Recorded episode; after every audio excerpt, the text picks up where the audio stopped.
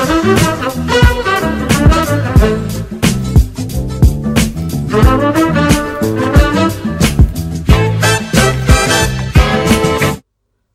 datang di Lini Podcast Ngobrol lebih dekat tentang gaya hidup sehat. Halo teman sehat, bertemu lagi dengan saya Ahmad. Dan semoga teman sehat belum pada bosan ya ketemu saya terus Nah, kita masih nih di edisi spesial Ramadan Dan kita masih akan terus membahas tentang puasa dan manfaatnya bagi kesehatan Di episode sebelumnya kita sudah membahas tentang puasa ternyata benar loh bisa menurunkan berat badan bagi yang melaksanakan dengan baik Nah hari ini kita mau ngomongin apa ya? Hari ini kita sudah ada topik yang tidak kalah menarik dari sebelumnya Yaitu apa ya baiknya puasa bagi lambung dan usus? Penasaran pastinya Untuk menjawab itu semua kita sudah kehadiran Prof. Hardin Syah, Guru Besar Ilmu Gizi FEMA IPB University dan Kota Umum Perjimpangan Indonesia. Selamat datang Prof, gimana kabarnya? Kabar baik. Kak Ahmad gimana kabar? Alhamdulillah, baik juga Prof. Belum bosan Prof ya ketemu Ahmad lagi, Ahmad lagi gitu Prof. Belum, belum. Belum, belum ya. Baik Prof. Baik Prof. Nah, kita mau ngomong-ngomong nih tentang lambung dan usus Prof. Sebelum kita kaitan dengan puasa, mungkin boleh dong Prof uh, tahu nih Prof sebenarnya fungsi lambung dan usus itu apa sih Prof? Ya kaitannya dengan pencernaan ya semua makanan minuman yang kita makan setelah melewati mulut kerongkongan pasti dia melewati lambung ya dan lambung itu tempat di mana mulai proses pencernaan secara kimiawi. Kalau di mulut kan itu secara fisik ya. Hmm. Meskipun juga ada juga sih uh, enzim mulai bekerja tapi dominan fisik. Tapi kalau di lambung dominan pencernaan itu secara kimiawi meskipun juga fisik ada sedikit ya. Dan menghancurkan berbagai makanan tadi menjadi komponen-komponen yang lebih kecil. Kalau karbohidrat ya dipecah dipecah dipecah menjadi uh, glukosa. Kalau uh, protein dipecah menjadi asam-asam amino. Kemudian lemak menjadi asam-asam lemak ya Begitu juga kalau tadi vitamin dalam matriks uh, terikat dia akan diurai dan juga mineral dan lain sebagainya. Kalau air ya lebih cepat biasanya tinggal lewat gitu ya. Hmm. Nah, kalau gitu Prof, uh, kalau kita ngomongin soal puasa apakah kita kan nggak makan nih Prof. Nah, nah, apakah kerja lambung dan usus ini ini berubah gitu Prof kalau saat puasa Prof? Hmm, tadi baru kita bicara fungsi lambung ya. Kalau usus ya lebih banyak sebenarnya fungsi menyerap bahwa ada bagian-bagian yang masih diproses oleh enzim ya, tapi umumnya di usus halus sudah tempat penyerapan. Kalau nanti masih ada yang belum terserap, maka pada uh, bagian pangkal usus besar itu masih ada penyerapan di sana. Di samping usus besar lebih banyak nanti bagaimana air ditarik, kemudian bagaimana sisanya nanti untuk dibuang sambil di sana terjadi proses pembusukan kerja dari berbagai jasa renik mikroba ya. Oke, jadi pertanyaan berikutnya apa tadi? Uh, kalau kita puasa. Oke, uh, apakah bedanya dengan tidak iya, puasa? Benar, ya, tadi apa yang Bapak katakan ketika kita uh, tidak berpuasa, maka apa yang dimakan tadi kan uh, akan diproses seperti yang tadi dikatakan. Tapi ketika berpuasa, tentunya sampai jam tertentu itu tentu setelah imsak diproses ya. Uh, ada yang makanan tadi dalam waktu hitungan uh, menit, kalau dia tadi glukosa air ya uh, lewat, ya tergantung suhunya. Kalau suhunya udah sama dengan suhu tubuh, ya tentunya dia uh, lewat untuk terus penyerapan di uh, usus halus. Tapi kalau tadi uh, dalam bentuk yang memang perlu dicerna dalam partikel-partikel molekul yang lebih kecil di tentunya diproses. Nah, ketika kita tidak puasa, umumnya kan kita sekali tiga uh, sekali empat jam ya, tergantung lah. Ada orang yang snack ya, hmm. sarapan jam 7, jam 10 snack, nanti jam satu makan, nanti snack lagi, sehingga berarti uh, organ pencernaan mulai dari mulut, kerongkongan, lambung itu selalu bekerja kan. Nah, ketika puasa itu ada masa di mana uh, pekerjaan lambung dan usus tadi minimal sekali. Mungkin mengolah yang masih tersisa yang lama yang sulit kalau kita banyak makan daging ketika sahur bisa jadi itu masih di dalam uh, proses sampai siang hari ya. Tapi secara umum kalau kita tadi udah membatasi makan malam kita juga dan kita makannya tadi beragam, tidak hanya semata daging ya yang tadi sulit untuk dicerna, maka relatif sebenarnya setelah jam 1 siang sampai sore kerja lambung kita ringan. Nah, ketika kerja lambung ringan, lambung dan usus ini kan terdiri dari banyak uh, jutaan sel ya di dan di permukaan bahkan miliaran sel yang bekerja ya ketika di lambung karena di sana pH-nya rendah sekali ya 2 sampai 3 berarti kan jenis selnya berbeda nih ya yang bisa meredam pH yang rendah ketika di usus halus beda lagi jenis eh, sel-sel permukaan bahkan lebih penting lagi untuk menyerap di sana kan ya karena pH-nya juga sudah ditingkatkan.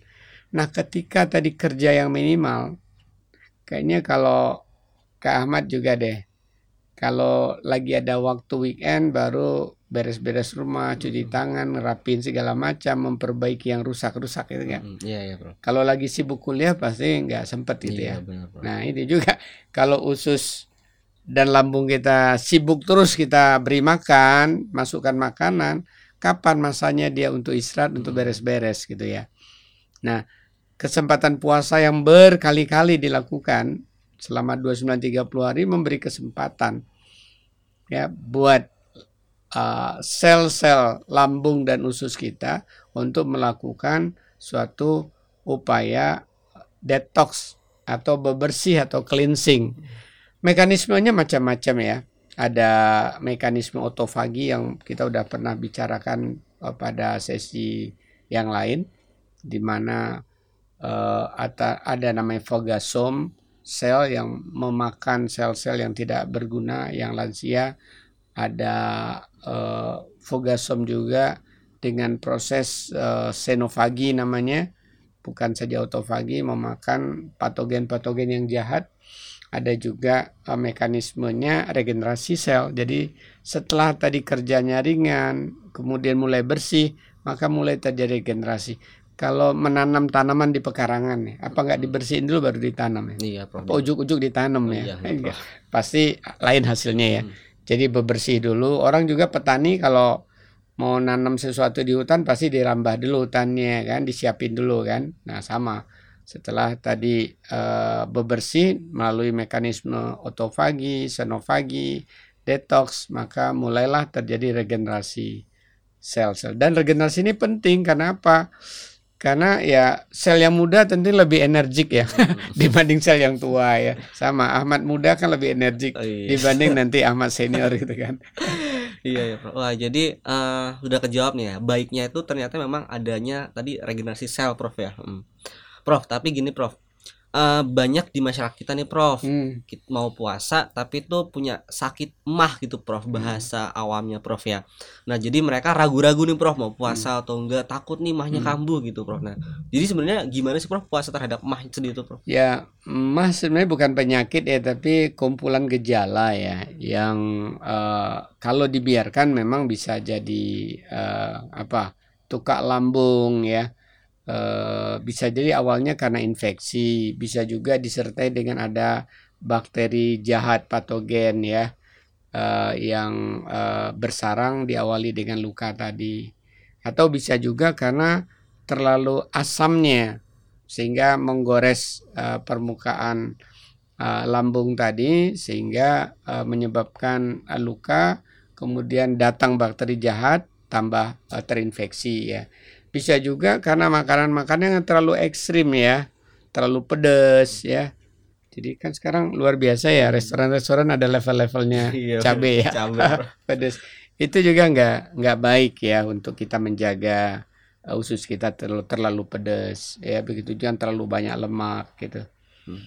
Jadi uh, gejala itu muncul sehingga uh, bahasa sederhananya dikatakan sebagai mah jadi harusnya segera konsultasi ke dokter untuk upaya terapinya supaya nggak segera dan tidak berlanjut menjadi tukak lambung yang lebih ber, berbahaya. Oh, jadi gitu, Prof. Nah, Prof ngomongin tadi. Nah, kaitannya dengan puasa, ya karena tadi ada masa kerja santainya lambung dan di masa itu terjadi autofagi, senofagi, detox dan regenerasi, di sana akan terjadi upaya perbaikan. Ya, kalau tadi mahnya masih tingkat awal, itu biasanya bisa pulih ya dengan cara berpuasa yang baik hmm. tadi ya. Kalau kita tadi sahurnya makannya banyak ya, daging-dagingan lemak yang lama itu dicerna ya lambung kita tetap kerja berat. Hmm. Dan itu kalau kita rasakan misalnya setelah zuhur itu kok rasanya masih berat di sini ya, masih kenyang yang sisa yang sahur ya. Karena sulit di di digest. Di samping volumenya banyak, banyak lagi daging dan lemaknya misalnya. Nah, jadi kalau gitu uh, tadi disebutkan Prof kalau apa puasanya benar Prof. Nah, hmm. jadi gimana sih Prof bagi orang-orang yang penderita mah gitu Prof ya kalau mau puasa itu gimana Prof sarannya Prof? Ya sebaiknya sih karena orang sering kali nggak tahu level serius apa tidak kondisi mahnya itu yang baru awal atau sudah jadi tukar lambung sebaiknya ya memang Alangkah baiknya buat orang-orang yang ada rasa gangguan kesehatan, termasuk juga orang lansia atau ibu hamil, ada baiknya konsultasi, periksakan ya ke eh, tenaga kesehatan yang relevan untuk itu, termasuk dokter, supaya kita bisa lebih siap lagi. Jika kita si awalnya sehat, tambah sehat lagi, hmm. atau hampir-hampir terganggu, nanti bisa sehat gitu setelah puasa. Oh, jadi konsultasi dulu sama dokter prof ya. Nah prof tadi kita udah ngomongin lambung sekarang kita mau ngomongin usus nih prof. Hmm. kalau uh, itu kan Ahmad sering dengerin prof kalau di usus tadi juga sudah disebut sama prof. Adin bahwa di usus itu ada mikroba gitu mikrobiota kita di usus prof ya. Nah kalau kita puasa itu beda nggak prof si mikrobiota itu? Apakah mikroba itu prof ya apakah dia masih ada atau enggak prof? Kan kita nggak makan apa apa nih prof itu prof. Selagi kita nggak minum obat antibiotik ya Uh, kecuali barangkali ketika puasa kita entah itu dapat resep antibiotik harus dimakan malam hari. Kadang-kadang uh, batuk atau flu kalau kita nggak diskusi dengan baik dengan dokter bisa jadi dapat antibiotik tentunya dengan makan antibiotik semua bakteri baik maupun jahat jadi punah ya. Nah kita perlu uh, segera minum atau makan makanan tradisional, minuman tradisional yang terfermentasi atau uh, kalau memang memerlukan suplemen probiotik ya tergantung uh, kondisinya lah ya. Tapi uh, lagi-lagi puasa itu bisa saja kalau tadi ada antibiotik dikonsumsi memunahkan. Tapi dalam kajian yang ini bukan orang yang minum antibiotik dalam kondisi uh, normal orang-orang yang berpuasa baru aja publikasinya. Tapi sebelumnya di intermittent fasting tanpa mengikuti puasa Ramadan berhari-hari intermittent fastingnya juga itu memperbanyak ternyata bakteri kelompok lactobacillus bahkan juga kelompok bifido yang kita tahu kelompok uh, lactobacillus ini banyak uh, komponen uh, spesies bakteri baiknya bahkan banyak yang diisolasi menjadi probiotik ya. Hmm. Jadi uh, jadi tetap mikrobiota itu tetap ada apalagi kalau kita tadi sahurnya berserat uh, ya karena kan makanannya prebiotik ya yang asalnya dari serat karbohidrat yang tidak di, bisa dicerna oleh enzim tapi bisa digunakan oleh uh, mikrobiota oh, tadi.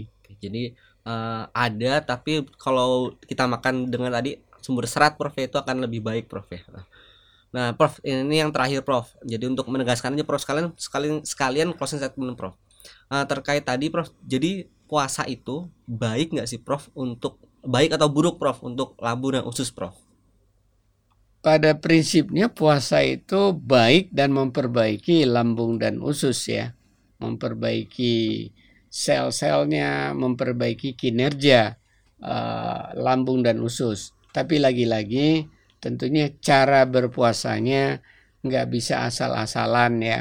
Asal makan kenyang dari berbuka sampai sahur kebanyakan tadi yang protein lauknya atau dagingnya kalau kebanyakan. Itu kan juga menyebabkan kerja usus sama aja nggak bisa santai. Padahal syaratnya tadi harus sedikit yang berada dan santai dia sehingga terjadilah upaya jalur otofagi, jalur senofagi, jalur detox ya, kemudian regenerasi sel. Hmm, ya.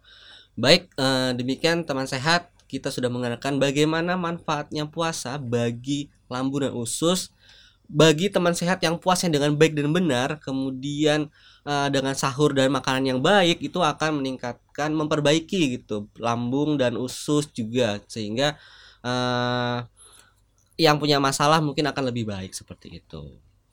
Nah uh, terakhir uh, mungkin Prof boleh closing statement Prof. Ya, baik topik kita pada hari ini tentang uh, apakah puasa bisa memperbaiki kinerja lambung dan usus.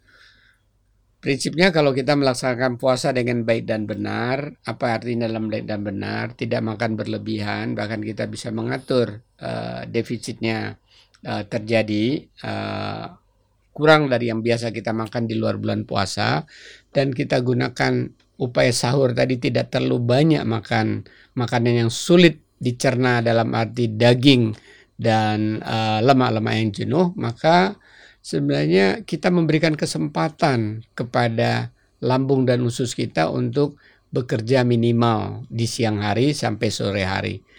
Dan dengan bekerja minimal santai lambung dan usus kita, di sinilah sebenarnya Eh, proses-proses uh, yang pernah kita bahas pada topik sebelumnya tentang otofagi, sonofagi, detox ya yang kemudian pada gilirannya adalah terjadi regenerasi sel termasuk regenerasi sel-sel di lambung kita, regenerasi sel-sel di usus kita yang akhirnya kalau itu terjadi setelah berhari-hari puasa akan meningkatkan kinerja lambung, pencernaan kita jadi semakin baik, kita bisa tercegah dari mah bahkan mah yang ringan tadi bisa jadi uh, sembuh. Kemudian ketika di usus permukaan sel-sel uh, permukaan uh, sel di sel sel-sel permukaan di usus kita itu semakin baik kinerjanya dalam menangkap berbagai zat gizi dalam uh, bekerja sama dengan para uh, jasa renik yang ada begitu juga di permukaan usus besar sehingga baik lambung kita, usus kita kerjanya lebih baik lagi dan kita bisa lebih sehat lagi termasuk imunitas kita semakin baik karena salah satu kunci imunitas adalah kerja usus kita termasuk bersama dengan mikrobiota yang baik. Baik, demikian podcast pada episode hari ini. Jangan lupa untuk terus setia menyaksikan ini podcast eksklusif di channel YouTube maupun Spotify Lini Sehat. Jangan lupa di episode berikutnya kita akan membahas topik yang tidak kalah menariknya yaitu puasa memperbaiki pankreas dan insulin. Jangan lupa untuk terus patuhi protokol kesehatan dan jangan lupain aku ya. Dan terima kasih Prof Halinisha. Sampai jumpa teman sehat semuanya.